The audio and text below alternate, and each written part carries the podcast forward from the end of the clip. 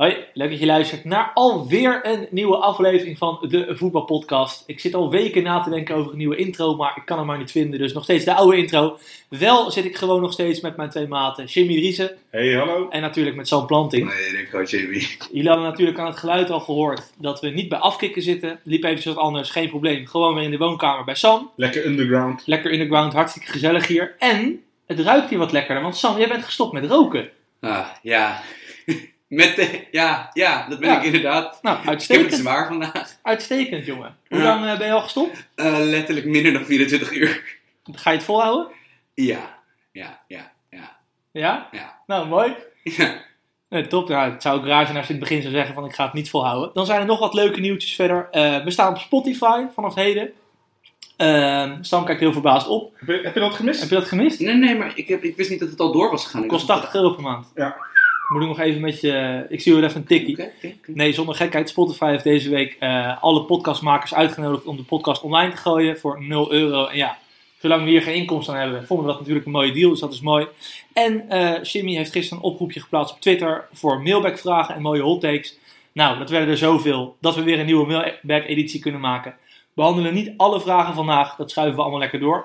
Naar volgende week maandag, Jim. Ja, want dan is de interlandbreek natuurlijk. Dus Ja. ja. Interland breekt toch geen klap aan. Nee, dus eh, kunnen we weer lekker flink eh, wat vragen gaan beantwoorden. Dus het was vorige keer ook best wel leuk, toch? ja, dus mocht je ook nog daarna andere vragen hebben nu, eh, stel ze gewoon. We proppen gewoon, die, dat uur moeten we gewoon volproppen met een mailback. En Ja. wacht even, even een korte vergadering. Officiële mening van de voetbalpodcast over die interlandbreak. What the fuck, waarom is die nu alweer? Dat is Ja, echt alweer, drie weken ja. geleden? Ja. Oké, Ja, dat is kut. wij, zijn, wij zijn tegen. Ik ben eh, heel erg tegen interlandvoetbal, zeker vriendschappelijke wedstrijden. Eh, ja, dat gezegd hebben, eh, laten we maar gewoon lekker het competitievoetbal eh, nabeschouwen. En ik denk dat je in Nederland maar met één wedstrijd kan beginnen. Ajax AZ. De, Fortuna Emmen. Ja, Fortuna Emmen. We, we ook weer zo. 3-3 toch? Ja, eh, prachtige voe- voetbalwedstrijd toch? Genoten? Nee, ik heb het niet gezien. Ik heb samenvatting gezien, ja. Laatste minuut 3-3 is toch spectaculair. Absoluut. Maar ik wilde naar Ajax AZ eigenlijk, want dat is toch een van de twee titelkandidaten tegen een club die zichzelf wil neerzetten als de grote uitdager van de top 3. Komt er niet altijd helemaal uit. Shim, hoe heb jij die wedstrijd gezien? Ajax AZ. Ja, ik, ik, ja het, is- ik kreeg een beetje het Vitesse Ajax gevoel. Snel doelpunt van Ajax. Mhm. Ik denk, ja, toen, toen dacht ik eigenlijk wel van, ja, ze gaan echt doordrukken. Deze in principe qua, qua veldspel ook. Eh, ik ben er nog niet zo over uit of het eh, goed van Ajax was. Ik neig naar goed van Ajax. Maar AZ viel ook wederom weer door de mand in een topwedstrijd. Ja, Sam, jij hebt een paar podcasts geleden gezegd, of misschien was het vorige week, dat AZ is een slechte tegenstander voor Ajax, omdat, zeg maar dus AZ, Ajax is slecht tegenstander van AZ. AZ heeft het altijd moeilijk tegen Ajax. Hoezo? Nou ja, kijk, dat Ajax kan je eigenlijk gewoon, en dat is bij al die balbezit georiënteerde ploegen, of dat nou het niveau City, Barcelona is, of daaronder Arsenal, of daaronder Ajax. Want dat zijn ploegen die je toch, die moet je niet gewoon, snap je, gaan uitnodigen te kunnen voetballen met Dat, dat deed AZ gisteren. Dat deed AZ gisteren wel. En het grappige is dat het, het scoreverloop was dus uiteindelijk, nou ja, eentje in de eerste helft, vier in de tweede helft. En dan, had- je kan nog zeggen dat die 2 en 3-0 inderdaad makkelijk vielen. Maar eigenlijk was in die eerste helft was Ajax nog veel dominanter dan in die, eh, eh, dan, dan in die tweede helft. Dat Het zakt een klein beetje weg, hè? het.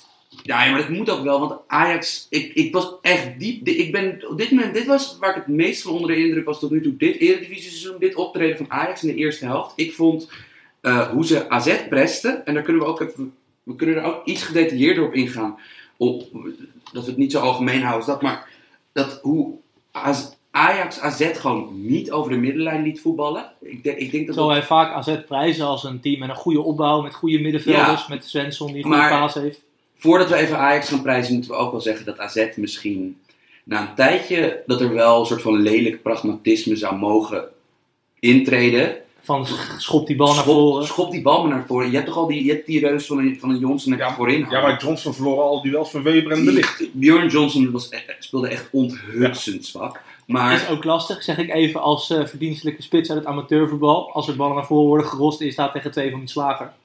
Ja, maar Johnson zelf is, is een grotere slager. Nee, klopt. Dat, dat, ja, oké, dat hoort een beetje bij zijn taak om dan wel een keer vast te houden. Maar het was niet makkelijk voor nou, ik vond ook bijvoorbeeld, hij had één moment in de tweede helft dat hij, A, terwijl hij de traagste speler op het veld was, wist hij alsnog buiten spel te lopen in de Dat counter. Knap dat je de traagste op het veld bent, terwijl Daily Blind ook meespeelt. Precies. En de, vervolgens maakte hij die kans ook niet af. Ik vond dat alles, zeg maar, om heel veel naar AZ toe te gaan. Ja, Ja, centraal achterin, dat kan niet.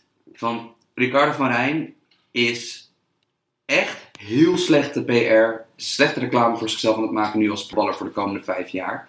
Ja, het was niet best, nee. Nee, en ik bedoel, het was in, eh, volgens mij, ik had het getimed, het duurde 8,5 minuut. Dat hij, had al drie keer ingeleverd bij Ajax in de opbouw. In 8,5 minuut tijd. Dus dan weet je al dat iemand eigenlijk de rest van die wedstrijd zonder vertrouwen zal spelen aan de bal. Nou, wat gebeurde er ook in die 8,5 minuut? Eh Tadic eh, schoolde hem met een geweldige wippertje over van Rijn ja. voor die goal van, van de Beek. Dus je had een voetballer met zeg maar echt vernietigd zelfvertrouwen. En vervolgens hielp het ook niet mee dat het gewoon duidelijk in deze wedstrijd bleek dat Koopmeiners die ernaast staat, gewoon ja, die is het profvoetbal binnengekomen als middenvelder. En ook die maakte een paar uitstapbeslissingen dat ik dacht van jongens, dit, dit, dit is geen subtop eredivisie hoor. He- Heeft Van der Brom nou dezelfde fout gemaakt als Erik ten Hag tijdens het PSV Ajax? Te veel voetballend vermogen achterin op wil stellen. Ja, maar ik denk ook dat bijvoorbeeld. Het kan op zich wel. Kijk, AZ kan niet eh, eh, Burnley-achtig, of laten we even een Nederlands voorbeeld eh, geven. VVV. VVV of ADO-achtig gewoon op een andere manier zo'n wedstrijd inkleumen. Dat kunnen ze niet. Wat ze wel kunnen doen is bijvoorbeeld zorgen dat er, genoeg, dat er extra mensen achter de bal zijn. Als je bijvoorbeeld als je geen centrale verdedigers hebt, speel met drie centrale verdedigers. Ja. Ja, Van, speel met twee controlerende middenvelders die echt Ja. achter de bal En, spelen. en op zich heb je daar ook wel de goede backs voor, met de Svensson bijvoorbeeld en de oude Jan. Precies. Of desnoods inderdaad. eh, maar ja, dus dat was interessant. En wat ik eigenlijk het allergrappigste vond, is dus dat Ajax, Ajax Press was precies hetzelfde als tegen Bayern München. Want eh, AZ speelde dan in een soort van 4-2 eruit in balbezit, maar het was op zich hetzelfde principe van centrale verdedigers die met de bal aan de voet wilden opbouwen en een zes die heel dichtbij komt. En in dit geval was dat Feyenoord bij AZ. En- en Tegen Ja, Bayern was het leuk dat weer speelde, Vejinovic. Ja, maar ja, wel, het was wel echt een van de, een van de zwaktepunten in die ploeg. Ja, ik. Absoluut. Eh Press was eigenlijk heel simpel. Gewoon eh Dolberg stapt uit op een van de spitsen. Van de Beek beweegt vanuit van zes. Eh, oh, sorry, op een van de, op een van de twee verdedigers. Van de Beek speelt vanuit, zoals dat in jargontaal heet, vanuit Feyenoord kwam hij door op de andere spits. centrale. Eh, sorry, op de andere centrale. Ja, ja, jongens, de, de neuronen zijn helemaal in de war door het stoppen. Door stoppen met roken, ja. Ehm, en ondertussen waren Ziyech en Tadic die bleven aan de binnenkant van de back zitten, waardoor die ook konden uitstappen richting een controleur of richting een centrale verdediger. En ik was vooral heel erg onder de indruk wat daarachter gebeurde bij Ajax. Dus het doorstappen van Schöne, van Blind, van Tajavico, van Masraoui. Ja, het was dus elke keer was het ongeveer zo'n 10, 15 meter voor de middenlijn. Was het gewoon een balletje ophalen Kijk, voor die dat, jongens. dat was indrukwekkend. En ook als AZ, aan het, eh, hoe heet het, als AZ erin slaagt om de bal af te pakken van Ajax, dus Ajax was zelf aan het aanvallen, waren de afstanden altijd goed om gelijk druk te zetten, waren geen grote gaten. En ik heb in deze podcast vorig jaar wel eens gezegd dat ik me afvroeg of Ten Hag dat erin kon krijgen. Nou, als je deze pot zag, is dat wel gelukt. Als je dus ziet dat er weinig, eh, nou wat ik net ook al zei, linies zitten kort op elkaar in balbezit en daardoor kan je snel drukken. En ik vond de rol van Masroui erin echt eh, ja, bijzonder. Die Ja. was eigenlijk altijd goed door aan het stappen. Je ziet in de Eredivisie gewoon dat, dat de, de techniek bij de meeste spelers ontbreekt als ze snel worden geprest. Precies. Dan gaan ze fouten maken. Ja. Je dwingt de tegenstander echt op Maar dat is niet fouten. alleen, het, ook op hogere niveaus dan de Eredivisie zie je dat hoor. Ik bedoel, Ja, absoluut. Ja, ja, natuurlijk. Voetbal is een spel van fouten natuurlijk, absoluut. Maar, maar als het bij Manchester City Liverpool al gebeurt, dan, Ja. ja. dan zal het bij AZ en zelfs nog lagere clubs helemaal gaan Ja. gebeuren. De ene na de andere Johan Cruijff quote die vliegt door de podcast, jongens. Heerlijk. En jij noemde Masraoui en in balbezit, dat was wel eigenlijk heel grappig. Dat AZ vorig jaar, AZ was vorig jaar gewoon echt een goede ploeg. Met een gevarieerde opbouw, derde man zoeken, die lage voorzetten. Ze hadden bijvoorbeeld altijd een mannetje meer op het middenveld. Of in, in, in, in, in het centrum. Ja, dit, is- dit is een... eh, ja. We vinken hem af. Ehm, en het was zo leuk om te zien dat, Ajax, dat Ten Hag deed exact hetzelfde bij AZ dit keer. Dat Masraoui heeft eigenlijk gewoon de hele wedstrijd in balbezit als derde centrale middenvelder gespeeld. Een beetje te vergelijken met, misschien voor de mensen die dat nog kennen, Laam bij Guardiola. Dus ja, zeg maar, of Svensson bij AZ. Of Svensson bij AZ, ja. voorbeeld. Mhm. En ehm, wat ik zo leuk vond om daar, daaraan te zien, is dat dat twee opties de hele tijd mogelijk gaf. Dat of Ajax gewoon een enorm, zeg maar, zoals jij dat het graag wil noemen, een tutti-frutti in het centrum maakt. Of dat er heel erg veel jongens rondom de bal zijn die kort naar elkaar kunnen spelen. Maar wat eigenlijk nog veel leuker was, is dat eh, doordat Masraoui in de binnenkant liep En dus of de- ofwel een middenvelder op hem moest uitstappen, ofwel Idrissi de linksbuiten eh, met hem moest meelopen. Wat niet altijd gebeurde.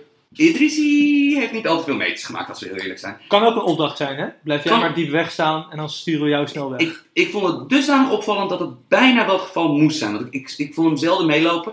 Maar wat ik zo leuk vond hieraan is dus dat Ziyech geïsoleerd, dat in plaats van altijd naar binnen te kruipen, dat Ziyech geïsoleerd raakte in één op eens, op de, echt tegen de zijlijn aan tegen Aujan. En één op één tegen Ziyech spelen is, ook, is voor Thomas. Aujan... Ja, dat, dat, Zelfs dat de jongens van Bayern München hadden daar moeite mee. Ja, Dus dat is geen schande voor ik Thomas dat hij gisteren, hij deed, weer een paar, hij deed weer een paar dingen op het veld dat ik dacht van, hoe speelt deze speler in godsnaam in Nederland? Maar dat hoeven we eigenlijk, Nou ja, eigenlijk vraag, nooit niet eens meer te benoemen. die vraag kan ik wel voor je beantwoorden. Hij heeft voor zichzelf de lat heel hoog gelegd. Er waren later in de window nog clubs uit de middenmoot van de Premier League en La Liga. Heeft hij gezegd, nee, ik blijf bij Ajax en ik wil gewoon naar een echt grote club. En ja, zo kan dat dus. probleem is alleen, Mhm. we prijzen Ajax hier heel erg. Maar er is gewoon een nog betere ploeg op dit moment in de Eredivisie. Ja, zeker qua punten. En eh, die lieten, Qua doelsaldo. qua doelsaldo. En die lieten qua veldspel echt helemaal niks heel van een ploeg die wij hadden prijzen, namelijk VVV. Ehm, ja, ik, kijk, ik heb die pot gezien. Eh, ik, mm, ik vond hem, ja, er gebeurde niet dermate veel. Ik denk van, we gaan hem even heel lang bespreken hier. Ehm, je weet bij PSV altijd een paar dingen onder Van Bommel. Eh, ze bouwen op via dat blok. Hendricks en eh, Rosario. Rosario. Mocht dat worden vastgezet, proberen ze Pereiro in te spelen. Of een van de twee buitenspelers die naar binnen komen. Het mocht ze onder druk worden gezet, wat VVV niet deed. Maar stel dat gebeurt, kunnen ze altijd nog de lange bal op de jong spelen. Ploeg met heel veel mogelijkheden om op de helft van de tegenstander te komen. Zelfs via de zijkanten met Dumfries en Angelino. En je ziet gewoon, ik heb de schoten nog even erop nagekeken. VVV had echt geen enkele kans om die pot te winnen. Ze staan volledig terecht eh, bovenaan. En het lijkt erop dat Van Bommel het gewoon uits- uitstekend heeft neergezet. Je hebt die pot ook gezien, hè, Jim? Ja, en wat ik eigenlijk het voordeel van, als ik eh, toch eh, PSV en Ajax met elkaar ga, ga vergelijken. Het voordeel is, eh, PSV heeft duizend manieren gevonden om te winnen. Mhm. Ajax heeft, eh, heeft voor het oog voor mij, eh, ja ook door mijn clubvoorkeur natuurlijk, heeft leukere spelers. Maar allemaal spelers die met elkaar redelijk vergelijkbaar zijn natuurlijk. Een Tadic en een Ziyech hebben dezelfde rol. Eh, je- je- en daar bij PSV, je hebt, je hebt een targetman die een wedstrijd kan beslissen. Je hebt, je hebt Ja, een ja, goede ja. opkomende backs die, die aanvallend gewoon super gevaarlijk zijn. Pure snelheid in. Lozano Bergwijn. Ja, absoluut. Ajax heeft gewoon een heel goed plan A. En PSV heeft gewoon plan A, A, plan B, B, C, C. ja. En ook nog een Pereiro die gewoon eigenlijk als een, ja, een Enzo Francesco die, eh, voor de luisteraars die dat niet weten, vroeger een eh, Uruguayaanse middenvelder van River Plate, die gewoon geweldige steekballen kan geven, Mhm. maar ze niet hoeft te geven, want als het niet lukt, hebben ze nog andere manieren om te winnen. En dat, eh, ja, Ja. dat is gewoon gigantisch goed. Ehm, ja, ik denk dat het klasverschil gewoon te groot was. En wat, je net, wat we net al hebben gezegd, van PSV zit gewoon dit seizoen echt goed in elkaar. En ja, die pot hoeven we voor mij niet heel lang meer te analyseren. Eh, we hebben de overkoepelende dingen een beetje genoemd. Wat gaat er goed bij PSV en eh, prima. Wat ik wel raar vond, ik bedoel, we gaan het niet weer over VAR hebben, maar toch wel. Ik wil niet te, niet te lang bij. Ga je gang. Maar in de laatste minuut eh, wordt er een overtreding op Hendricks gemaakt in het strafschopgebied. Nou, gebeurt is helemaal niks. In de tussentijd is er al van alles gebeurd. Is de, de speler die de overtreding heeft gemaakt, is gewisseld. En uiteindelijk wordt die strafschop alsnog gegeven. Maar hij kan zijn tweede gele kaart niet krijgen. Of, of, of, of kreeg hem niet. Ik weet niet of hij het had kunnen krijgen. Maar hoe, ja, hoe zit dat, jongens? Ik heb geen idee. Ik heb eh, dat ook gezien wat jij nu noemt. Ik denk dat als hij die scheids... Ik weet niet wie het was. Wie was de scheids? Maakt ook niet heel veel uit. Als hij het had beoordeeld als tweede gele, was hij waarschijnlijk naar de bank gelopen. Had hij tweede gele gegeven. Maar ik denk dat hij gewoon dacht, ja, die jongen is al gewisseld. Ja, maar stel voor dat dit... Nou kijk, in de negenste minuut maakt het, maakt het helemaal niks meer uit of je nou nog met 10 man of 11 man staat. Mhm. Maar stel voor, dit was in de 60ste minuut gebeurd. Ja, dat, dat was inderdaad interessant geweest. Ik, ik weet Ja, niet. gaat VVV dan met een mannetje minder spelen of niet, omdat hij al is gewisseld? En jij was vorig jaar rond kerst of zo, was jij, ehm, Bij jij, Spurs. was, jij was naar de wedstrijd, League Cup wedstrijd Ja. van Spurs. Dat was drama op Ja. de tribune. En jij appte mij, hey, jij appte mij live, want jullie, jij zat In februari of januari was het. Ja, dat, precies. En jij zat met, met je vrouw, zat jij bij min, min, min 15 graden op de tribune. En jij zat met de app van, ja, we zitten Toen nog niet zwanger, gelukkig. dat niet gelukkig. Maar we, van, ja, we zitten hier bij Goddom met 15, 15 graden vrieskou. Zitten we nu al vier minuten te wachten op iets waar we totaal geen weten van Ja. hebben wat er is gebeurd. Ik, ik heb dus ook nu laatst, ik heb in de arena nu volgens mij voor de tweede keer een warm moment meegemaakt. Ja, gisteren met Dolberg, met die... eh, Ja. En er was dus woede van het publiek, terwijl als je dit uitlegt, ik bedoel, alsnog, voetbalpubliek gaat alsnog, gewoon thuispubliek gaat altijd. Maar, laat ze niet in spanning wachten Maar- en... En desnoods, als, als de, de KVB, als de scheidsrechters bij de KVB het te eng vinden om het woord te nemen, dat de scheidsrechter op het veld of de vierde official of de VAR official, dat die het te eng vinden om het woord te nemen, doe het dan met tekst. via het Ja. scorebord, ja. Doe Ja. tekst op het scorebord, maar laat in elk geval weten. Bijvoorbeeld gisteren was toch een heel extreem voorbeeld, of een heel, een heel goed voorbeeld van Dolberg, gevaarlijk Sam, spel. dit doe ik bijna nooit. Nee, maar dit nog- hebben we al zo vaak gezegd. Ja, eens. Maar communicatie buitenspel. Hij stond buitenspel. Hij stond Oh, sorry, ja, ja, Ja, Nou ja, there you go. Want ik, eh, Hij deed dat wel heel goed met zijn linker eh, buitenkant. Maar dit hebben we al zo vaak genoemd. Ja, die communicatie moet beter. Klopt. ja, maar we geven toch wat tips. Maar er luisteren ook mensen misschien- Ja, inderdaad. Misschien... Nou, van de KNVB, er luistert zelfs een international, heb ik begrepen. Eh, niet iemand die nu elke week wordt opgeroepen door Oranje, maar wel iemand met interlands die nog steeds eh, een contract heeft bij een profclub, toch? Oké, doen we verder geen uitspraak over. Wordt geluisterd door internationals klasse. Weird move, Erik. Ik ga snel doorschakelen naar het eh, volgende clubje, naar de volgende wedstrijd. Eh, Clubje. nou ja, ik dacht, we hebben Heerenveen, de Graafschap en Feyenoord staan. Eerst Feyenoord doen? Ja, kunnen we het over de wissel hebben? Nou ja, kijk, je bedoelt met de wissel de switch van 4-3 naar 5-3-2. Ja. Dat bedoel jij. Ik wil hier even Gio eh, verdedigen. Ik hoor hier naast mij het woord Bosveld van Sam, waarmee natuurlijk wordt gedoeld op het feit dat op het EK 2004. eh, Je hoeft de Bosveldwissel niet uit te leggen. Dat Maar misschien voor de jonge Ja, voor de, luisteraars. oh, sorry, sorry, sorry. voor, Julian, waar. voor Julian Wiegers. Op het EK van 2004 eh, was er een wissel. Bosveld voor Robben, nou bla bla, weet iedereen wel. Ik vond het niet zo'n gekke wissel. Ik snapte hem helemaal in theorie. We lopen hier altijd. Gio af te fakkelen. En, en 9 van 10 keer gaat goed. Maar even, laat me even uitpraten, man. We lopen altijd hier af te vakken dat hij niks verandert. Dat hij altijd 4-3 speelt. Dit was gewoon een perfecte wissel. Hij staat met vijf man achterin. Want hij bracht Van Beek in voor eh, een aanvaller. Voor Larsson. Larsson, ja. Ja. Die overigens ook weer echt geen knikker raakte op één knikker na. Maar goed, die speelde niet goed. Hij bracht Van Beek in. Nou, hij had twee koppers in het centrum. Van Beek en Botteguin. Hij had nog Jan-Arie van der Heijden. wil ik niet bestempelen als een goede kopper. Maar oké, stond ook in het centrum. Je speelt met drie man daarvoor op lijn. Waardoor je dus ruimte weggeeft aan de zijkanten. Nou, wat gaat een Eredivisie ploeg dan doen? Voorzetten pompen. Ja. Die kan je allemaal wegknikken. En je speelt gewoon die wedstrijd uit. En ja, de eerste kans die ze tegenkregen was omdat Malatia net buiten zijn eigen 16 meter gebied balverlies leed. Nou, Ja. als jij 4-3 speelt, of 4-4-2, of 5-1-4, maak, Was, het zo was gek, het ook gebeurd maak het zo gek als je wilt. Als jouw linksback balverlies heeft buiten zijn eigen 16, 5 metertjes erbuiten, dan wordt het gevaarlijk voor de tegenstander. Dus ik vind het heel Maar overdreven ook, toch ook als je al wat was. er vanaf. Ik, bijvoorbeeld, ik luisterde heel oldschool. Ik luisterde deze wedstrijd via de radio. Dan was hij volgens mij wel een stuk spannender dan dat je het op de tv zag. ik. Absoluut. Sowieso geen kwaad woord over radioverslagen op wedstrijden. Vind ik altijd leuk. Maar, nou, ik, ik, ik vertrouw het inzicht van de radiocommentator genoeg om te zeggen van... Dit was een wedstrijd waar Feyenoord niet per se heel, het heel makkelijk had. Dus in dat geval is het toch volledig verdedigbaar dat als je op 1-0 voorkomt, dat je dan gewoon...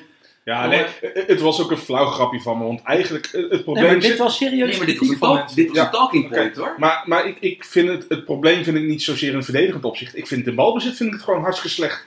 Ja, Laten we het daar eens over gaan ja, hebben. Ja, maar je bedoelt vanaf de eerste minuut al. Ja. Ja, natuurlijk. Maar ik wil nog één erover zeggen. Vorig jaar hebben we hem allemaal Cocu geprezen, omdat hij Lucas erin durfde te gooien en. Rosario af en toe.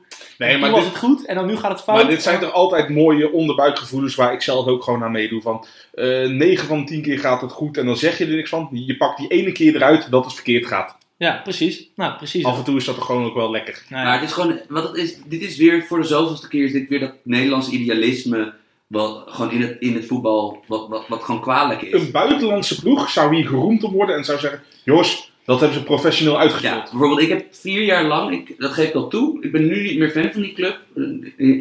In, recente week al helemaal niet meer. Maar ik heb, Manchester United? nee, ik heb vier jaar lang heb ik ehm, eh, elke wedstrijd van Juventus gekeken. Oh, ja. In die periode dat eh, met Conte, eh, maar dat Pirlo er was. Ja. Ik kijk eigenlijk altijd voor Pirlo. En ik heb dus denk ik 120, 130 wedstrijden gezien waarin Conte gewoon, ja, lekker spits eraf voor een verdedigende middenvelder, middenvelder eraf voor een extra verdediger. Ja, maar omdat het, Eh, omdat het Italianen zijn, wordt dat geromantiseerd. Ja, terwijl Precies. bijvoorbeeld, dat is, ja, heel simpel.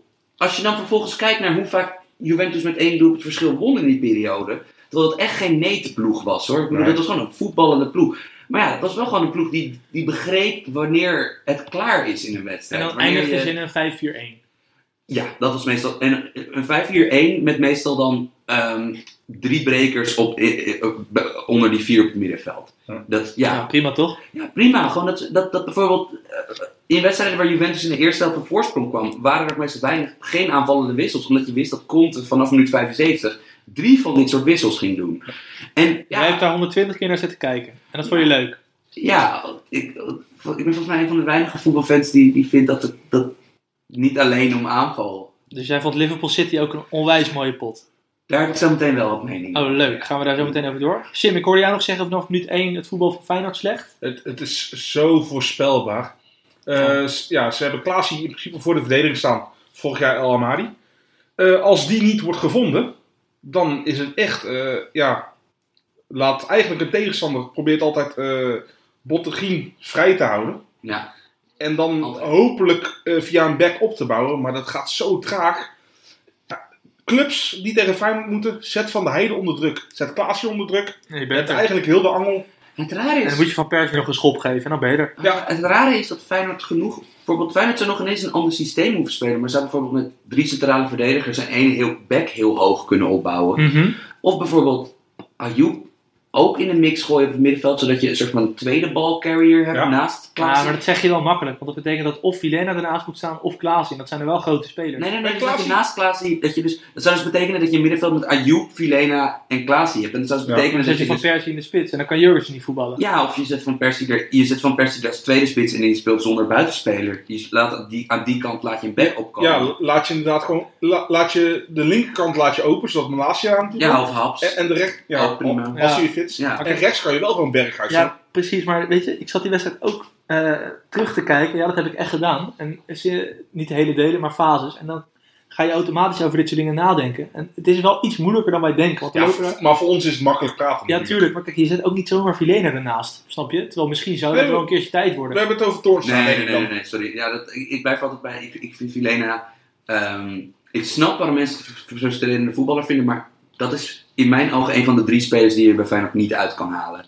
Omdat Maar volgens mij dit is het al zo'n. over Toornstra, denk ik, of niet? Die Ik had het over, over Toornstra ook. Sam Larsson. Is Larsson, maar ook als je heel eerlijk bent, hij krijgt alle verantwoordelijkheid. Het is een, het is een vriendelijke jongen ook. Het is volgens mij best een prima aanvoerder. Maar Klaasie. ehm, is, is Klaasie eigenlijk aanvoerder? Van of is- is- Persie. Nee, van Persie. Oh, maar is- moet dus ja. vaak bij de camera staan omdat Van Persie dan nog gewisseld is. En dan is Klaasie in de 90 haken. Dat Ja. doet Van Persie eigenlijk best wel slim, hè? Best wel slim. Sowieso is Van Persie volgens mij best wel een slimme dude. Ja. Maar ja, ook Klaasie vind ik nog niet onvervangbaar. Dat, He- heeft ook de laatste jaren heel weinig gespeeld. En, en bedoel, hey, niet lullig bedoeld, het is toch eentje die echt valikant bij Southampton uiteindelijk mislukt is. En bij Club Brugge ook niet heeft kunnen laten zien. Is het dan uiteindelijk niet gewoon categorie Boetjes qua buitenlandse ervaring wat je terughaalt? Ik vond hem dat laatste jaar onder Koeman wel echt heel goed. Maar Ja, dat is absoluut. volgens mij eh, vijf jaar geleden inmiddels. Ja. En wat Sim allemaal zegt, het zijn wel feiten. ja, ja. Dus eh, Feyenoord, ik heb het idee dat het nog niet zo hopeloos is als sommige fans denken dat dit seizoen zal zijn. Aan de andere kant, je hebt een trainer die, ja, die toch niet heel erg. eh, en ik, ik vrees dat hij dus nu weer de, de prijs zal betalen voordat hij het een keer anders doet. En maar even jongens, ze hebben 17 punten uit 8 wedstrijden. Dus laten we zeggen ongeveer 2, iets meer dan 2. Als hij met deze groep, Gio, Maar ook nog geen hele moeilijke wedstrijd. Ja, kijk, Vitesse en AZ ja. hebben schat. ja, Maar ze hebben nog geen... Ze hebben geen Ajax als, hij, Nee. ze- als hij 70 punten houdt met deze groep, is het toch prima? Of Dat is niet? echt prima. Vind je dat Ja, niet- nee, nee, dat vind ik een heel, heel ver punt. Dat, dat is echt prima. Derde worden met 70 punten met deze ploeg is Zit echt toch prima op schema voor in principe? Je, jawel, Maar vind je het publiek dat prima? Nee, want, eh, niet alleen het publiek in de Kuip die elke week gaat, maar ik zag ook eh, Mark Liefse Adriaanse, eh, journalist van het NRC, die ik heel serieus neem over voetbal, die zei ook van ja, Feyenoord-fan is hij. Van ik ga hier niet naar kijken. En ik heb weer de goede keuze gemaakt om niet te kijken, want hij noemde een paar woorden zieloos, ideeënloos, visieloos. Ja, ik denk dat er heel veel mensen gewoon niet blij worden van Feyenoord op dit moment. Door het voetbal. En, en ik hoop gewoon dat de spelers gewoon maar glashard voor de camera een media-interview bij elkaar liegen. Eh, zijn ze er wel echt van overtuigd hoe een wedstrijd is verlopen, dan heeft Feyenoord een groot probleem. Want ze vonden dat. Ja, dat het allemaal een beetje tegen zat. eh, Ze hadden het geluk niet. Het baltje moet net de goede kant Ja, op. maar, Ja, ja. maar ik heb Toornstra mij laten vertellen dat ze nog meedoen om de titel. Dus, eh dus sowieso is er een aparte mediastrategie bij Feyenoord Ja. gaande nog altijd. Ja, Ik zou dat gezien de kracht van PSV en Ajax niet echt gaan roepen. Want dat gaat je alleen maar, eh, snap je, gezeik opleveren op de lange termijn. ja, Ja. En hoe erg wordt El, El Amadi eigenlijk gemist? ja, heel erg. Ja, Heel erg. Ik hoop dat ze trouwens Karsdorp gaan huren. Dat is dan weer zo'n vaag gerucht dat nog totaal niet officieel is of wat dan ook. Maar dat lijkt me wel een leuke Zou wel het oplossing. een en ander qua opties bieden. Ja, dan, eh, ja maar dan Ja. heb je een opkomende rechtsback. Mhm. En hoe zou je dan verder spelen? Ik zou Sint-Juste dan in het centrum zetten. Botteguin in de hand geven. Bedankt voor het jaar met de titel. heb, je wel, heb, je heb je wel snelheid? Kan je een stukje vooruit voetballen? Van Heijden met Sint-Juste is wel een goed centrum, denk ik. Of Ja. Tapia. De immer eh, genoemde Tapia, altijd meer. Die heb ik vaker hier gehoord dan dat hij eh, daadwerkelijk minuten heeft gemaakt voor Feyenoord dit seizoen. Nee, dat, eh, dat blijven we natuurlijk sowieso volgen. Eh Herenveen, als jij een leuke pot wil zien in de Eredivisie, althans niet goed, maar wel een pot waarvan je zegt van dit is leuk, Met tennisuitslagen. er gebeurt wat, dan moet je naar Herenveen. Want die hebben echt rare zooi aan met het doelsaldo, hè Jim? Ja, voor een middenmotor hebben ze volgens mij 20 gescoord. En 18 tegen of zo. Ja, En volgens mij ze hebben ze hebben vier wedstrijden waarin ze drie doelpunten hebben gemaakt. Dus echt exact drie doelpunten. En daaruit hebben ze maar vier punten gehaald. dat is echt Dat is echt bizar. Ja. Dan, dan moet je aanval zo goed zijn. Omdat, en dan nog steeds win je niet, omdat je verdediging gewoon echt... Ja, nou goed, Heerenveen wint 4-0 van de Graafschap. Ja. Eh, ik heb die samenvatting gezien. Ja, ik heb weer de Graafschap gezien wat, wat de ruimtes weg heeft achterin. Het is niet normaal. En, en, en ik heb vooral gezien, ik, ik heb weer een leuke Zeneli gezien. Ja, dat, dat viel me ook wel op in die samenvatting ook wel. Maar dat is altijd gevaarlijk hè, bij buitenspelers. Die zien er dan in een wedstrijd die ze winnen wel goed uit. Ja, maar, maar ook zelfs in de samenvatting heb ik heel lang geen goede Nee, meer waar. gezien. Ik heb hem niet meer gehoord of wat dan ook. Jij of ik heb ergens vorig jaar een keer, zeg maar, ook aan onze Twitter-volgers gevraagd van... Jongens, wie is de grootste samenvattingsvoetballer? Ik weet niet meer wie van ons twee het vroeg. Ik weet alleen wel nog dat Arbers en Sorry. dat toen alle Heerenveen-twitteraars uit de grot tevoorschijn kwamen en allemaal zeiden... Oh, dit is 100%, het is 100.000 fucking procent Arbers en En als dat het niet is, is het Sam Larsson. Ja, Ja, maar eh, ik, eh, ik ben bij Heerenveen altijd gecharmeerd door één speler. En, en niet alleen vanwege de naam. Flap, Ja, man. Dat is een goede speler. Echt, echt, goede, gewoon e- echt, echt zo'n eredivisie opgeroepen voetballer. voor Jong Oranje weer. Technisch, technisch goede speler. eh, is redelijk lang. hij heeft een hele goede, hij heeft een hele goede schaar. Ja maar, ja, maar hij loopt goed. En natuurlijk, ik bedoel, Heerenveen is sowieso al... Met Vlap en Bulthuis heb je natuurlijk al all-star namen. Maar, Ja, maar Flap kan tenminste nog voetballen. Wat Bulthuis af en toe laat maar zien, jongens. je hebt ook de GOAT der voetbalnamen sinds kort bij Heerenveen Hoornkamp. Jizz Ik Hornekamp. wist dat hij ging komen. Ja, maar goed, als je nou iets is waar je niks aan kunt doen, is het je naam. Dus dan gaan we die jongen... Nou, ja, hij niet, maar zijn ouders die zou op zich anno 2000 je kind niet Jizz moeten gaan noemen. Ik zou zeggen, schrijf een brief naar zijn vader.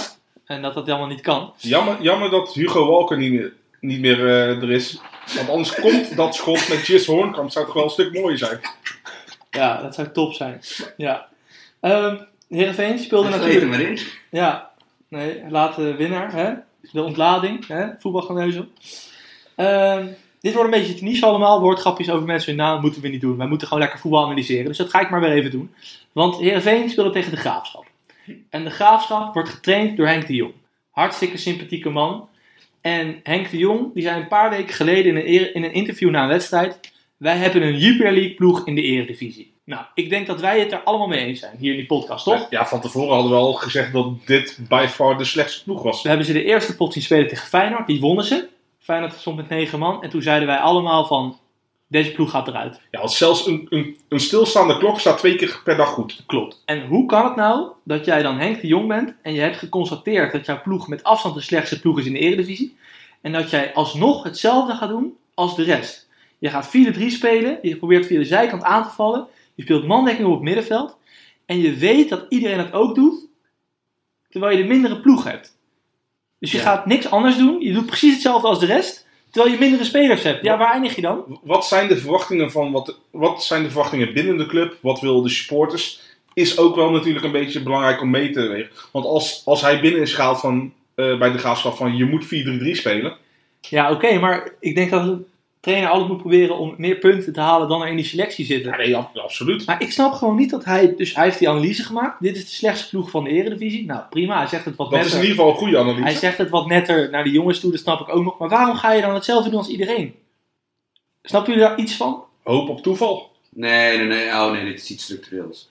Dit is toch gewoon, dit is toch in wezen, dit is toch een heel goed voorbeeldje van, ehm, nou ja, waar Pieters boek over gaat, eh, de val van Oranje. Van, van, dat, dit, dit is die Nederlandse koppigheid of idealisme, of noem het allemaal, of, of eh, angst om anders te zijn, angst, snap je? Van denken dat wij zeg maar, het wiel daadwerkelijk hebben uitgevonden gevonden op het gebied van voetbal. Dat is dit. Ja, terwijl hij is voor de is camera... het is vervelend om het zo hard te zijn over deze man, want het is, het is overduidelijke sympathie. Dat wou ik net gaan zeggen, het is een hartstikke sympathieke man. En jij zegt ook van, voor de camera is hij niet een, een, een kleurloze man of zo. Ja, maar sympathiekheid levert geen harde punt op. Nee, klopt, maar gewoon meer wat Sam zegt van... eh, Je gunt het hij is hem bang om iets wel. anders te doen of zo. Nou, voor de camera is dat niet zo. Durft hij wel gewoon lekker uitspraken te doen en zo. Maar op het veld zie je daar echt weinig van terug. Maar we geven trouwens wel altijd de schuld aan trainers. Hè? Terwijl dit is ook gewoon heel vaak. Ik bedoel, ik hoor ook best wel vaak verhalen uit de voetballerij van trainers die het anders willen doen ergens. En dat gewoon bijvoorbeeld al die spelers daar niet voor openstaan. Of dat gewoon, snap je, tactisch mentaal niet aankunnen. Van, dat bestaat ook, hè, die, die mogelijkheid. Dus, eh, mogelijkheid. Dus we hoeven niet per se altijd de trainers schuld geven. Aan de andere kant, de trainer bepaalt eh, in welke formatie je speelt. En dan snap je, de, de tactiek, die, dat is In, in, zijn in beslissing. Nederland gelukkig nog wel. Er zijn landen Ja. waar dat niet zo is. En, Waar het bestuur de opstelling maakt. Ja. en in dat opzicht is het natuurlijk gewoon hilarisch dat we nog steeds allemaal hetzelfde systeem spelen. Nou, niet meer allemaal. Daar moeten we binnenkort nog een podcastje over maken. Want ik zie een kentering hoor. Zeker in het rechte rijtje. Nou, minim. Ja, Minim. let op. Volgende week misschien eh, ga ik opeens om de oren slaan met feiten. Zo'n planting. Let op. Oh, ga je dan ineens wel voorbereiden? Ja, ik bereid me al de top voor. Want eh, ja, ik heb nu namelijk ook mijn laptop voor me. Het zegt dat het blokje Nederland is afgesloten. Dus we gaan naar het buitenland. En ik zat zaterdagavond een beetje te zappen. Ik zat drie wedstrijden tegelijk te kijken. moet je natuurlijk nooit doen als je echt serieus wat wil zeggen. Dus dat zou ik ook niet te veel gaan doen zometeen. Maar om half zeven trapte af United. Om half Tegen? zeven eh, United Newcastle. Ja, tegen Newcastle. Ja. Om half zeven trapte af Real Madrid uit bij Alaves. En om half zeven trapte af Bayern München thuis tegen Borussia Mönchengladbach. Gladbach. en die hadden het alle drie moeilijk. Alle drie topclubs. En ik zat te zappen in drie competities. En ze hadden het alle drie moeilijk. En ik zat bij mezelf te denken, ja. Ze zitten alle te zeggen van, oh, tegenwoordig heb je superclubs en die winnen alles. En de competitie is in oktober al beslist en zo. Nou, dit jaar niet. Dat is het overkoepelende thema tot nu toe. We hebben een paar eliteclubs, topclubs, die altijd ver komen in de Champions League. Die zitten echt een beetje in de problemen. Ja, ik, ik, ik, ik- qua statuur wil ik Manchester United nog wel in het rijtje noemen. eh, Bayern München en, eh, Ja. en Real Madrid. Heel goed. Maar qua problematiek absoluut niet. Nee, en ook, ik vind het grappig is, het zijn drie verschillende. Ik zit nu te denken, nu, jij- nu jij het zelf presenteert. Want ik, ik zat zelf. Welke wedstrijd keek ik naar? Ik keek, ik, welke, ik keek er één live en ik heb er eentje teruggekeken. eh ik keek Ik hoop dat je van United niet hebt gekeken. Ja, die heb ik Oh. gekeken. En Sukkel. ik heb, ik heb Real Madrid heb ik later teruggekeken. Want Bayern heb ik al vrij vaak onderuit zien gaan de laatste weken. Eh, drie verschillende problematieken. United helemaal behandeld door Jimmy. Het is gewoon simpel, het is een shitshow. Als jij wil weten wat er mis is met United, luister de podcast van vorige week. Helemaal goed. Dan heb je Bayern München. Ja. Is redelijk... Dat, is- dat is er eentje die ik heel erg herken uit het basketbal en het American voetbal. Want ah, die Amerikaanse sporten is toch, omdat er geen transfermarkt is, zijn het lange contracten. Ja. En je ziet gewoon heel vaak dat daar dynastieën, dus teams die tien jaar lang vet goed zijn geweest, dat die gewoon op een gegeven moment moeite krijgen doordat hun sterren op een leeftijd zijn Te oud zijn en te veel verdienen. te dus- oud zijn, te veel verdienen, te veel statuur hebben. En Bayern München heeft op dit moment te veel spelers die gewoon niet meer super zijn. Maar ik heb vorige week in mijn niet aflatende strijd om deze podcast gewoon een beetje korter dan een uur en een kwartier te laten zijn, heb ik het kopje Bayern tegen Ajax voorbeschouwen geschrapt. Nou, achteraf natuurlijk een legendarisch slechte beslissing, maar goed, wisten we het toen niet. En toen hoorde ik jou, Sam, wel nog in een bijzin zeggen van, laat je niet in de maling nemen en denk dat de problemen bij Bayern structureel zijn. nee, Ja, het, Of andersom het- bedoel van, het- puntverlies ik, ik, ik- het puntverlies, het puntverlies toen de tijd. Mhm. Ook omdat ik namelijk, ik blijf erbij, dat heb ik ook Between the Post, eh, ik heb volgens mij in die analyse van Ajax Bayern ook gewoon aan het einde geschreven van, ehm Bayern München heeft genoeg oplossingen. Van, je hebt een Games van 27, je hebt een Thiago Alcantara van 26. Nou ja, als die in je machinekamer staan, zolang je het beste, en, en zolang je het beste duo eh, eh, vleugelverdedigers in Kimmich en Al- Alaba de hele wereld hebt, die oplossingen zijn er wel. Het probleem is alleen, dat, hoe doe je dat? Want je kan Robben en Ribéry nu, niet nu permanent op de bank houden. Hetzelfde geldt bijvoorbeeld, je kan ook niet zomaar centraal achterin Sule, Gavi Martinez opstellen en Hummels en Boateng Maar gewoon jij vindt, dus Robben, jij vindt Robben Ribéry niet meer goed spelen de laatste Nou weken? ja, als je, als je, laten we die wedstrijd van. We hebben, volgens mij hebben de meeste kijkers zullen Bayern Ajax hebben gezien. En daarin zag je het volgende: dat Ribéry en Robben kunnen nog altijd verschrikkelijk goed voetballen. Er is alleen één probleem bij die dribbelacties van hun allebei. Dat zijn natuurlijk redelijk gelijksoortige spelers. Ribéry is iets meer tweebenig en een passer. Ro- Rob is natuurlijk iets explosiever en meer een schutter. Maar het Ja. zijn uit, in wezen zijn het gewoon jongens die 45 graden gedraaid moeten staan. eh, en dan snap je gewoon dribbles moeten maken. En die al jarenlang zo spelen. Ja, en een paar dingen komen erbij kijken. Ze hebben A, altijd hulp nodig vanuit hun rug van die backs. Nu wil het zo zijn dat Robbery, het duo Robbery, nog Kimmich en Alaba in hun rug hebben. Nou, dat zijn de beste backs ter wereld. Aanvallend vind ik, gezien. aanvallend gezien. Dus dat is prima. Maar dat betekent dus wel altijd dat Bayern München dus altijd voorin op beide flanken meestal twee mensen volledig al kwijt is. Vervolgens heb je in de box heb je altijd Lewandowski en Müller staan. Want Müller komt altijd bijtrekken als aanvallende middenvelder. Ja, dat betekent dus dat voor de mensen die goed hebben meegeteld, dat je maximaal vier mensen in, die te- in, in, snap je, in een tegenverdediging hebt staan. Als dat vervolgens, als van dat kwartet er eentje gewoon een spelmaker is die niet van verdedigen houdt, en de andere drie Thiago Alcantara. ja, of Games, en de andere drie 30-plussers zijn, ja, dat is redelijk makkelijke wiskunde. Van ja, dat gaat inderdaad dan tegen tegenstanders die het slim kunnen uitbuiten. Ja, Gaat dat mis? En je kon zien dat, ik bedoel, hoeveel goede tegenaanvallen had, had Ajax eh, eh, vorige week? Echt, echt Ja. zeven of zo. Maar zou, zou, eh, je kan aan meerdere oplossingen kan je denken. Je zou bijvoorbeeld eh Müller zou je weer op de flank kunnen zetten. Ja, sowieso, sowieso is de eerste oplossing in mijn ogen is dat je no, Games nooit meer moet roteren. Die moet altijd spelen. Ja. Ja, hij was er zelf ook volgens mij niet heel Ja. over. Nee, nee, nee, sorry. Je, ik, viel je mee. De eerste Ja. oplossing, ja, helemaal mee eens. Wat nog meer? Eh, ja, ga je... Het nadeel is ook eh, dat een Tolisso vind ik geblesseerd is. Maar ga je een Goretzka ga je die iets terughoudender laten spelen. Wat ik eigenlijk zonde zou vinden.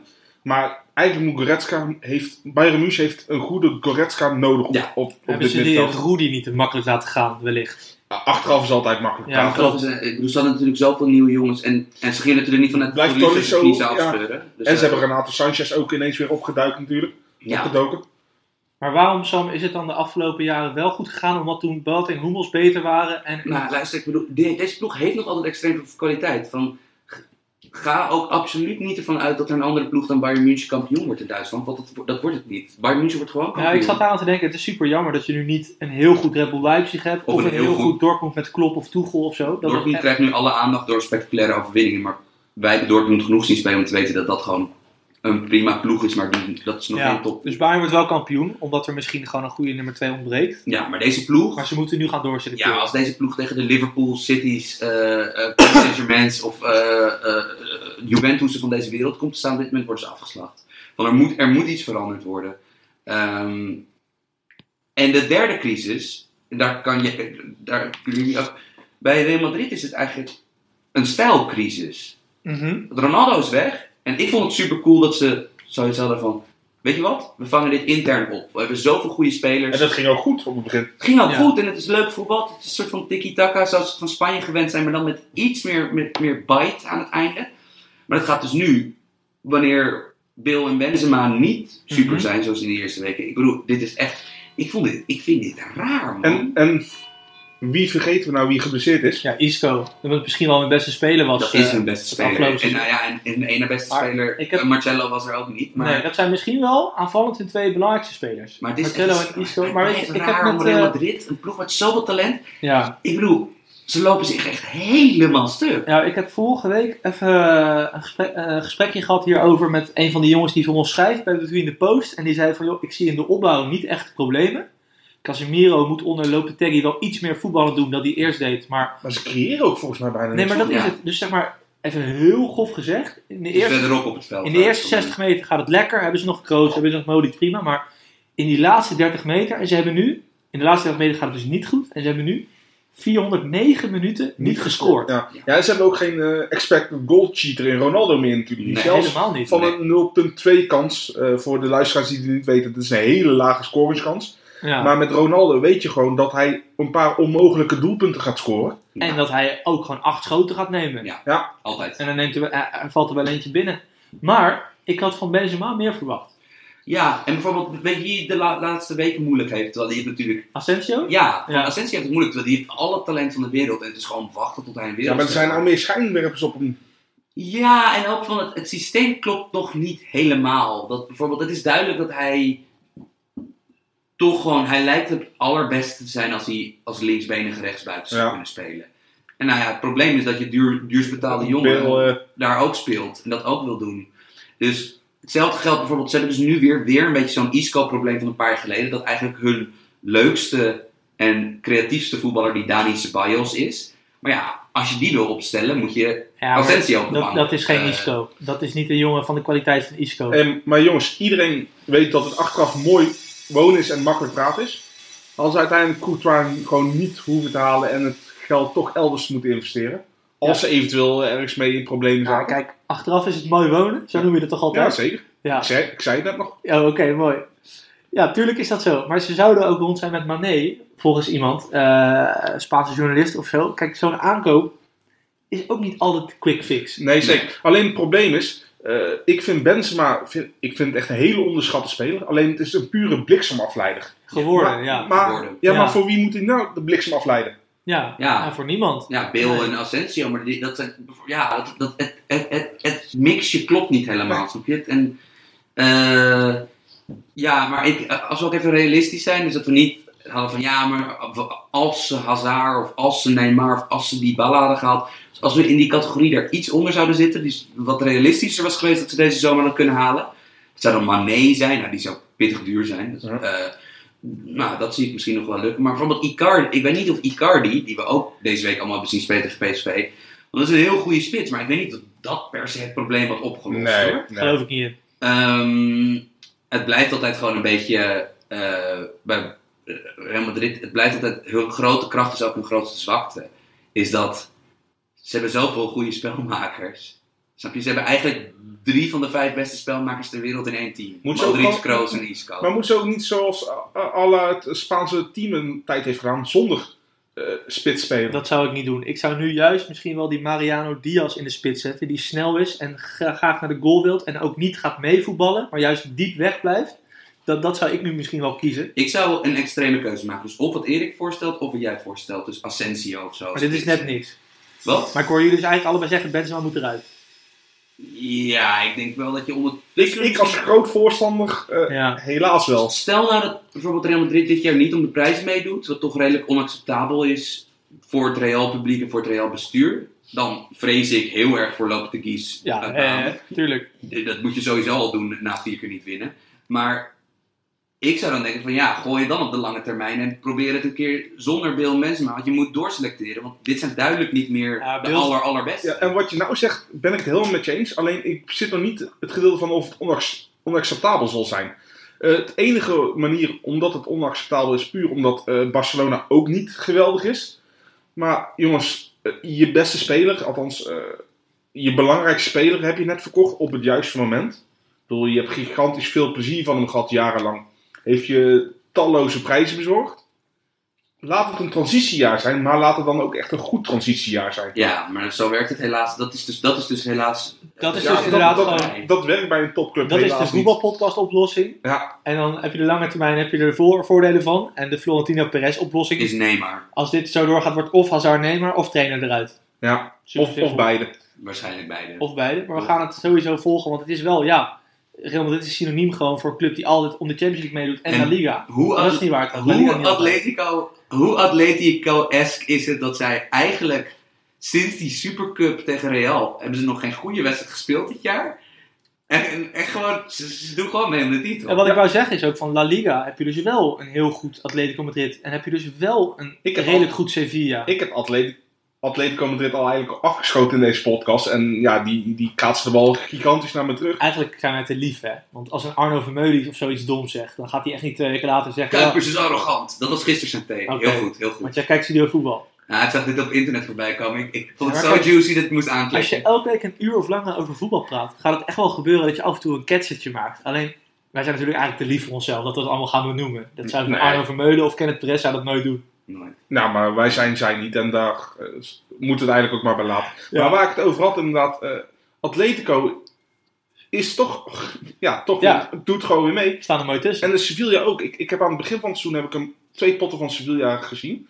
Was ik gigantisch onder de indruk. Ja, het is heel direct voetbal. Hè? Ja. Deze leuk. Eh, André Silva, die toch blijkt te kunnen scoren. Hoe, hoe zullen ze zich in Milano voelen? Ja, Ik bedoel, Die, is, eh, die, die heeft volgens mij al zeven in liggen. Maar Pablo Machine, ik heb heel erg het idee dat dat stiekem gewoon een uh, Paulus uh, Menkveld is of zo, wat dan ook, of noem, noem een Duitse naam. Want dat is gewoon een enorm Duits voetbal. Want dat zijn Eh, Ze willen de bal helemaal niet. Nee. Snap je? Gewoon lang naar voren schieten, pressen. De Duitse naam is Apollos Menkveld.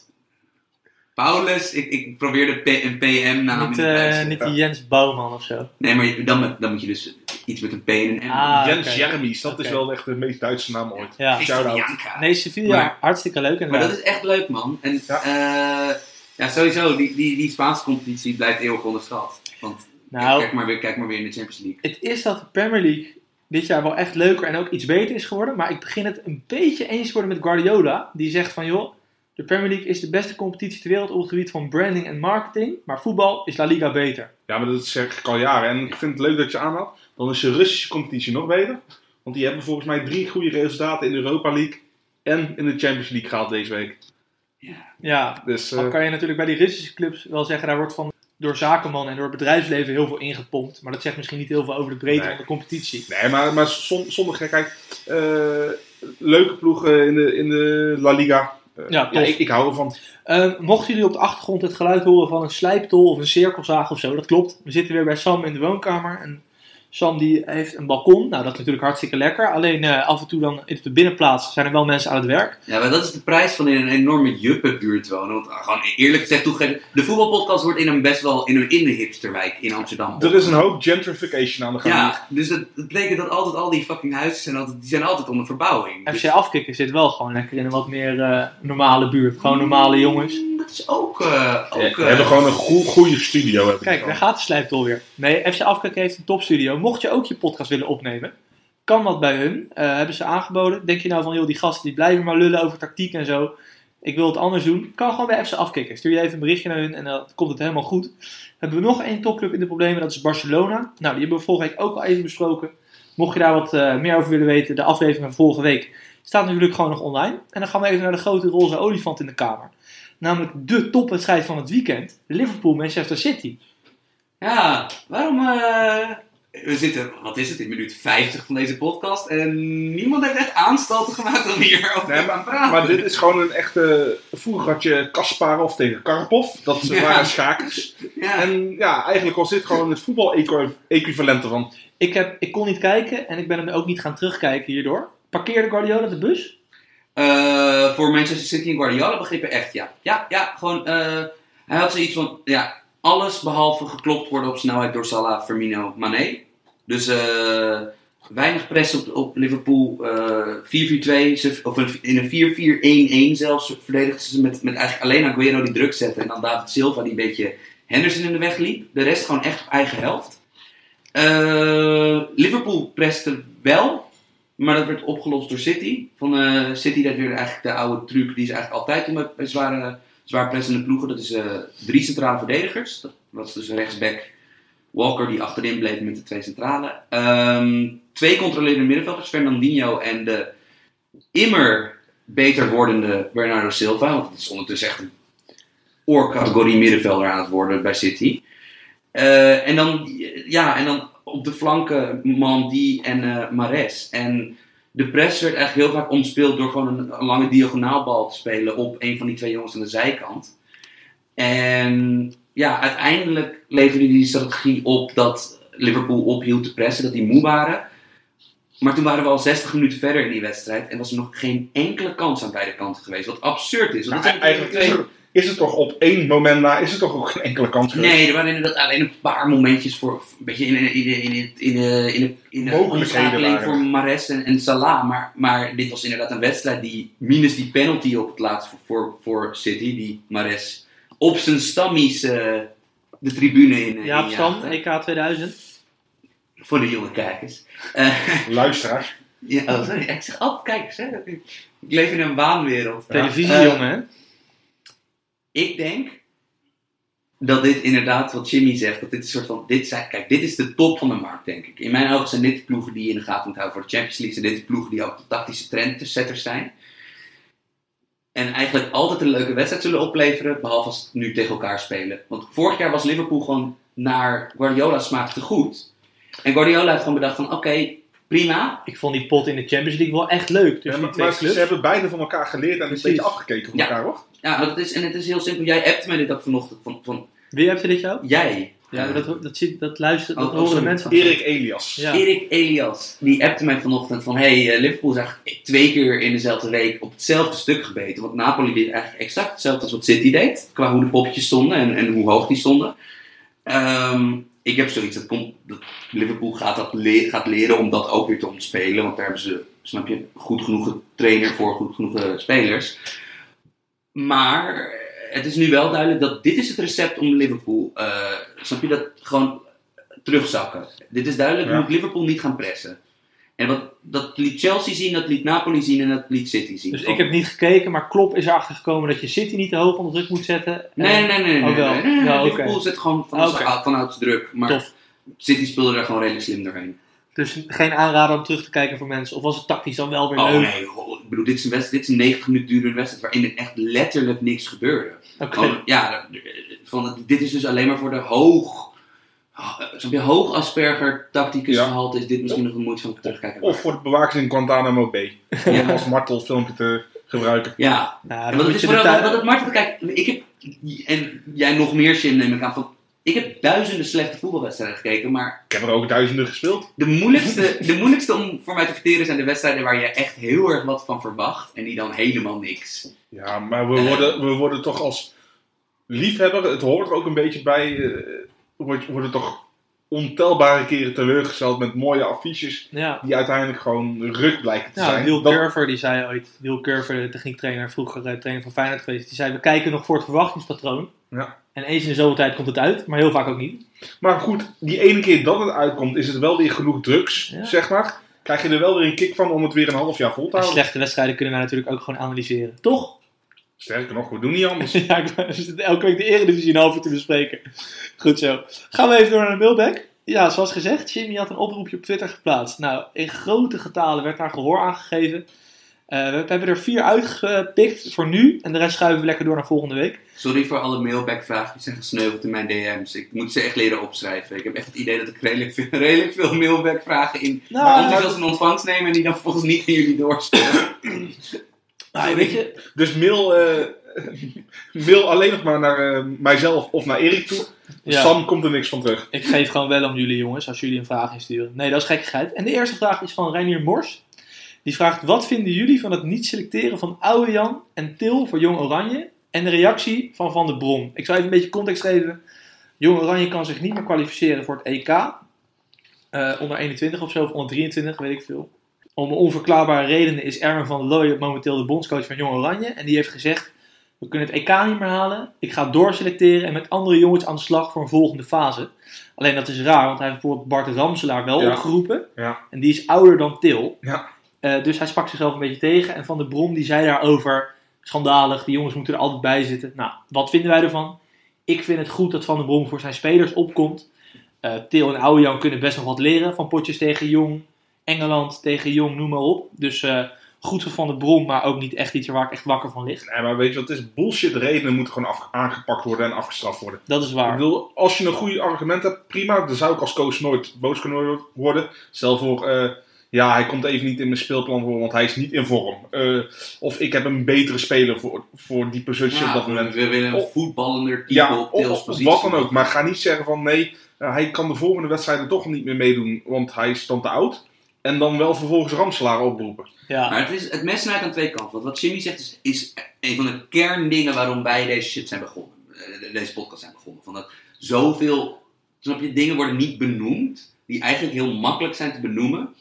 Maar dat werkt twee kanten op. Dat werkt zowel als een trainer als de pers. Van, je kan ook gewoon na een tijdje misschien niet gewoon een bepaald antwoord accepteren. Dat, snap je? En dat, ik weet dat dat wel dat, je, dat dat moet leunen op dat je veel feitelijke kennis moet hebben. Dat je inderdaad, nou ja, dan maar een keer inderdaad, dat je bepaalde connecties gewoon kwijtraakt. Dat mensen gewoon echt boos op je worden. Maar hoe vaak wij wel niet gewoon, snap je, gewoon antwoorden zien voorbij komen van voetbaltrainers.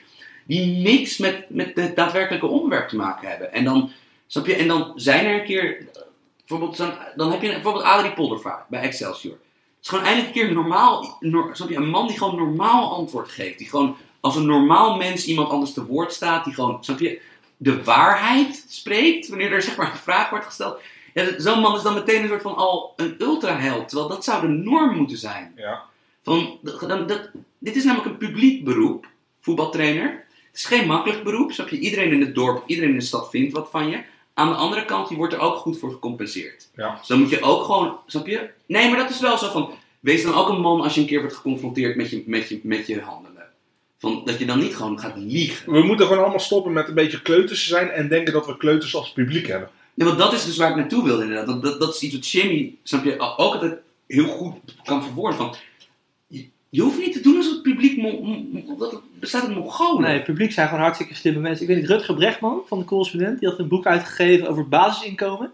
Die is daar echt in talloze landen over geïnterviewd. En hij zei, de domste vragen worden gesteld in Nederland. En als we in Nederland... Journalistieke vraag hebben. Ja, precies. En in Nederland wordt er, zei hij althans, door mensen die journalistiek bedrijven altijd een beetje gedaan alsof het publiek echt achterlijk is en er echt niks van af weet. Terwijl, ja, inmiddels zeker op voetbalgebied, zeker de mensen die deze podcast luisteren, maar ik denk ook over het algemeen, mensen vinden diepgang best wel een beetje leuk hoor. Ja, st- sterker nog, mensen zijn niet meer voor de gek te houden, want je kan overal kan je, kan je hele wedstrijden terugkijken, samenvattingen. Je kan statistieken overal downloaden. Ja. Eh, je kan via social media kan je al... Wat dacht je van forums en Twitter en dat soort dingen? wat dan- Ja, Ja, nee, dus eh, ik denk niet dat Reinier Mors eh, had verwacht dat het deze wending zou Ja, nemen. het escaleerde heel snel, Ja. sorry. maar we zijn niet boos. Het escaleerde volledig uit de hand. Maar eh, nee, we zijn inderdaad niet boos. Eh, wel te- teleurgesteld in Erwin van der Looy. Maar ja, Ja. ik was al teleurgesteld op het moment dat Erwin van der Looy aangesteld werd. Nou, ik was sowieso al een beetje teleurgesteld dat Van der Looy eh, de coach van Jong Oranje was. Maar goed, Reinier Mors, denk ik, goed antwoord gehad op zijn vraag. Volgende, van de Twitter-user Bergwina. Hij heeft een avatar van Memphis. Dus dat is wel eh, een pluspunt. Memphis, vriend van de voetbalpodcast. Wordt altijd, eh, speelde trouwens gisteren spits tegen Paris Saint-Germain. Bij Lyon 5-0 op zijn kloten gehad. Dat is een beetje jammer. Maar had nog één stiftje waarbij hij bijna de bal over Buffon heen stifte. Memphis Depay. Dus dat was wel echt legendarisch geweest. Buffon, keeper bij PSG inmiddels. Maar die kon er nog net met een handje bij. Goed, dat geheel terzijde. De vraag van Bergwina. Denken jullie dat Rosario, Pablo Rosario van PSV, zijn plek aan Guti, Gutierrez van PSV, gaat verliezen? Nou mannen, wat denken jullie? Ja, ik, ik vind het nog heel lastig in te schatten van is het... Kan Gutierrez de plek gaan winnen of kan Rosario hem gaan verliezen? Ik, ik, ik bedoel, het is wel... Voor de mensen die het niet snappen. eh, mag Rosario dadelijk mindere wedstrijden gaan spelen? Kijk, dat is het. Rosario speelt nu echt op een hoog niveau, vind ik althans, sinds 1 augustus ongeveer. Die heeft nu wel een bepaald krediet. Of hij dit het hele seizoen gaat volhouden, weten we niet. Wat jij zegt is precies de crux. Van hoe, ver, hoe snel is Van Bommel met hmm, Rosario twee potjes minder? PSV gaat een keer een pot verliezen of gelijk spelen dit jaar. Ga je toch analyseren, weet je wel. En die Guti, als hij invalt, vind ik dat hij echt hele leuke dingen laat zien. Ik weet nog niet zeker voor welke positie. Ik bedoel, hij zou gehaald zijn voor de double pivot, maar Voor, voor, voor de plek van Rosario of hem. Ja. Denk je misschien dat een Pereiro meer gaat zijn? dat denk ik eerlijk gezegd wel. Ja, want ik bedoel, kijk, luister, die, die verdedigende zekerheid bij PSV, die is, zo, die is zo handig om te hebben. Van dat het gewoon, snap je dat het organis- organisatorisch met Rosario en Hendricks naast elkaar voor, voor die verdediging, dat is zo goed. Maar dat kan die Guti ook wel. Ja, Ja, maar wat mij vooral opvalt is dat eigenlijk Rosario voetballend ook gewoon nog prima is. Dus Ja, je, zeker. misschien lever je niet eens zo heel veel in voetballend gezien als je ineens Gutierrez, eh, laat ik zo zeggen, ik verwoord het even een keer. Eh, misschien is de transitie van Rosario Gutierrez minder groot dan dat iedereen vooraf verwacht had. Dat denk ik ook. Dat denk ik ook. ja. Dat het verschil tussen die twee spelers gewoon kleiner is. En vergeet niet, ze, natuurlijk had PSV niet een al te brede selectie in het middenveld. Maar vergeet niet, ze hebben ook nog eens Ryan Thomas gehaald al voordat Guti kwam. Dus, dus die is helaas onfortuinlijk eh, zwaar geblesseerd geraakt. Maar vergeet niet dat Rosario eigenlijk al een soort noodverband was. Ik was Brian Thomas echt helemaal vergeten. ook, Ja. oprecht met, eh, ja. Kan je nagaan, misschien had hij anders nu niet eens bij Oranje gezeten. Rosario. Ja, nee, maar, ja, nee, maar ja, zo gaat het toch in eh Zo voetbal, kan het lopen in de voetballerij. Zo kan hij lopen. Ja, nee, precies. Maar eh, dus nee, Bergwina. Wij denken niet dat Rosario zijn plek aan Guti gaat verliezen. Maar we zien wel een scenario dat Guti op 10 gaat spelen voor Pereiro. En, en wat is de heerlijke voor de, alle PSV-aanhangers dat je gewoon een, een, een extra lekker goede middenvelder achter de hand nog hebt. Ja, bedoel, je krijgt schorsingen, je krijgt blessures, je krijgt vormdippen. Hé, hey, niks Ja. mis mee. het, het wordt toch weer winter, hè? Wordt het ook weer kouder. Eh, volgende vraag. Jens Albers. Welke niet top 3 club wisselspeler gaat een Surlot carrière krijgen? Dus Alexander Surlot. Eh, overigens van de week heel goed stuk van Michiel de Hoog bij de correspondent over Surlot. Die zat op de bank bij Groningen. En een half jaar later werd hij, hij ging van Groningen naar Midtjylland. Knalde daar een paar maanden alles erin wat los en vast had. En speelde bij Crystal Palace. Dus ging eigenlijk binnen zes of zeven maanden van de bank van Groningen naar de basisspeler in de Premier League. En Jens Albers vraagt nu aan ons, wie zit op de bank buiten de top 3 en gaat ook naar de Premier League? Ja, als we dat zouden weten, zou ik nu niet deze podcast opnemen. Maar dan Nee, dan zouden wij heel rijk worden aan die informatie. ja, werkte ik als scout bij een club. Maar ik heb even mijn best gedaan. Eh, bij Heerenveen zit een jongen op de bank, Mitchell van Bergen. Talentje van Vitesse. Eh, bij Vitesse hadden ze natuurlijk Berends en Lidsen. Dus die kwam, het is een buitenspeler deze kerel. Eh, jong ventje. Liet in de invalsbeurten best wel leuke dingen zien. Heeft een goede techniek, goede dribbelaar. Zit nu bij Heerenveen weer op de bank. Want daar lopen ook gewoon gearriveerde spelers rond. Noemen ze Nelly, die nu blijkbaar weer aan het opbloeien is. Ik vind dat een speler die nauwelijks bekend is, maar die heeft echt talent. Die vind ik goed. Wie hebben jullie? Ik heb Erik Palmer Brown. Maar meer om het feit van het is een wisselspeler nou van eh, NAC. Ja, En hij staat eigenlijk al onder contract bij City. Dus dan is eigenlijk Ja. de overstap naar een andere club binnen Engeland. ja. Is altijd binnen handbereik.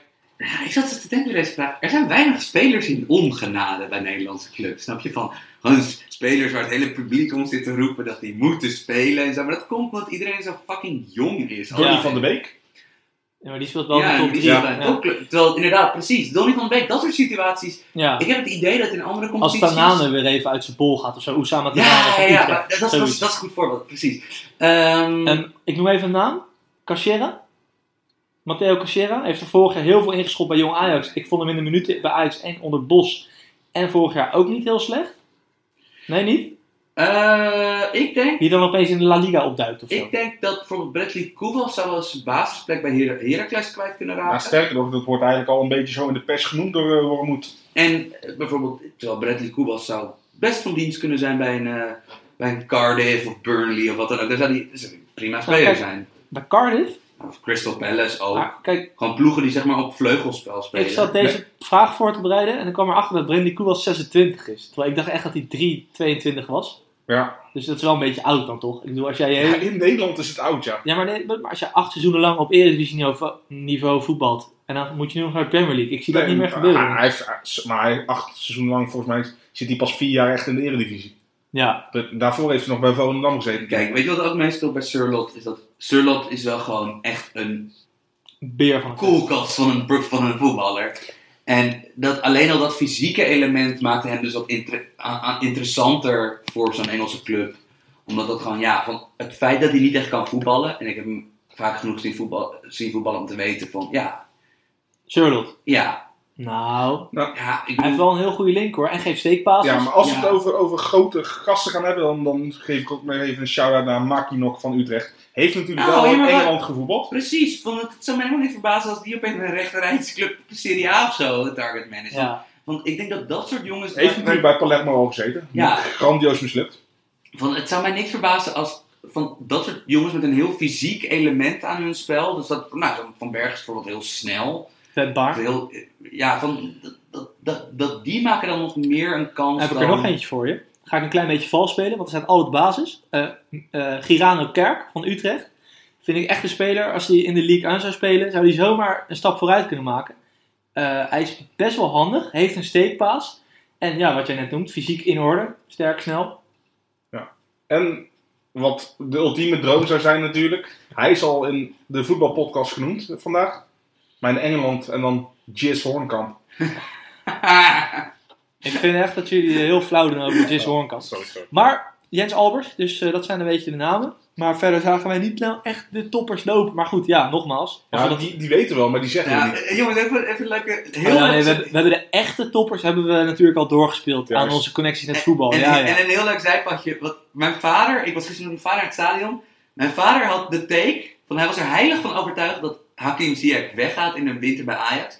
En dat Ajax moest, moest, moest, moest, moest van hem Oh. El Gayati halen. Ja. En ik probeerde hem uit te leggen van, nou Rick, van, snap je, spelers van in de 30 halen. Ik weet niet of dat heel verstandig Oh, oh, is. hij is nog 29. Ja, oké, oké. maar, Maar we weten sinds vorige week als podcast dat jouw vader vroeger keeper was.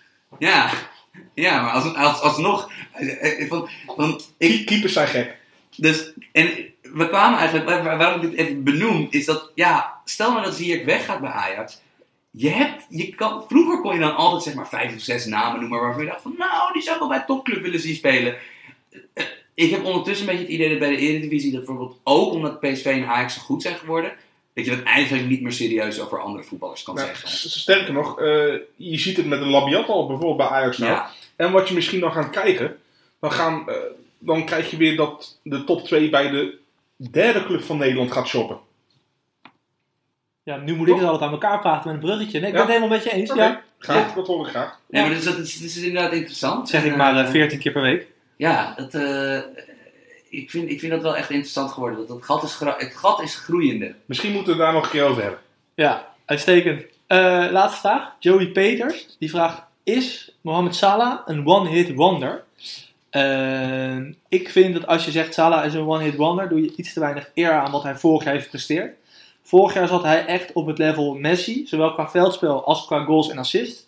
Niet normaal. En dat hij nu dit jaar niet op dat niveau zit, wil niet zeggen dat hij een one-hit wonder is. Ik weet, niet- ja, ik weet niet hoe jullie dat zien. Kennen jullie de term regression to the mean? Nee, Progression to the mean. nee ik, ik ken dat niet. Dat, is, dat gaat gebeuren. Ja, maar leg, leg het even uit. Ja. Uiteindelijk eh, heeft iemand een bepaald level wat hij altijd wel weer gaat halen. En dat trekt zich altijd wel weer recht over de langere termijn. Zowel in positieve als negatieve, negatieve zin. Eh, Salah die mm, krijgt nog steeds hele goede kansen en creëert nog steeds hele goede kansen. Dus die ballen gaan er een keer invallen. En plus het feit ook, hij zal ook een keer het geluk bij hebben dat juist minder grote kansen er ook in gaan. Met Salah gaat dat helemaal Ja. goed komen. Als hij geen output meer zal hebben in zijn onderliggende sta- statistieken, dan heb je een probleem. Maar dit, ja, noem Kijk. het gewoon even een slamp. Kijk, vorig jaar was die man elke 80 minuten of zo betrokken bij een goal of Dat assist. was ook bizar. Zoiets, denk ik. Zag je dat op de Ziggo Sport staan? Nee, ik heb- nee, nee, nee, nee, nee, nee. Ik- Volgens mij heb ik letterlijk dit statistiekje twee weken geleden aangeleverd inderdaad. Dat, het per, dat het per minuut inderdaad. Klopt het? Volgens mij was het zelfs Ik minder. zoek- ik roep zo Dat 80, was maar- minder. En als die man dan nu op 200 of 180 minuten per goal of assist ja, dan is hij opeens menselijk geworden. Sterker nog steeds, hij heeft nog steeds eh, qua expected goals en expected assists volgens mij het hoogste eh, aantal, eh, zeg maar de hoogst gecreëerde kansen en scoresmogelijkheden. Nog hoger dan een Hazard bijvoorbeeld. om het, heel, om het die van- gigantisch goed is dit om jaar. het van het statistieken naar, het- naar het menselijk te, te brengen. Van, als je Liverpool ziet spelen, dan zie je twee dingen. Je ziet, je ziet Salah met zijn snelheid, elke linksback en linker centrale verdediger, enorm veel problemen opleveren met al die acties van hem. En B zie je hem nu gewoon, heet het gewoon een hele rits kansen missen. Maar wat wij proberen te zeggen hier is van, die kansen gaan, snap je, die kansen gaan er soms een hele tijd heel erg vaak in en soms een hele tijd niet.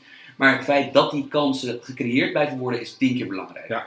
En het feit, eh, als je volgens mij naar het programma kijkt van Liverpool, volgens mij moeten ze daar tegen Huddersfield en tegen Cardiff. Ze moeten tegen Huddersfield, Cardiff en Fulham in de, kom- Ja. in de komende vier wedstrijden. Tussendoor ook nog tegen Arsenal. Ik heb toevallig net opgeschreven dit... dit, dit, dit Nee, eh, maar, maar dit- het kan zomaar zijn dat hij inderdaad drie assists en drie goals in die wedstrijden maakt. Maar goed, Salah is dus niet een one-hit wonder voor ons. Nee, Nee. duizend procent niet. Oké, maar niet mensen afschrikken om vragen te stellen. We vinden dit soort vragen hartstikke leuk. Ook al denken we van, nou, misschien eh, zitten we er anders in. Want dit is wel een jongen die stelt vaak vragen en die zijn vaak leuk.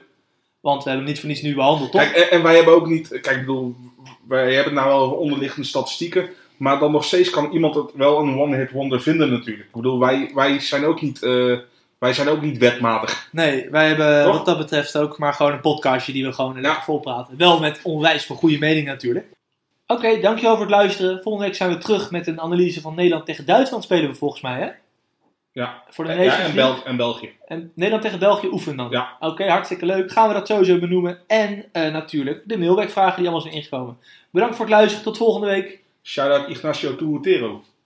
Shout-out Leo Koswal. Shout out PS Icadia.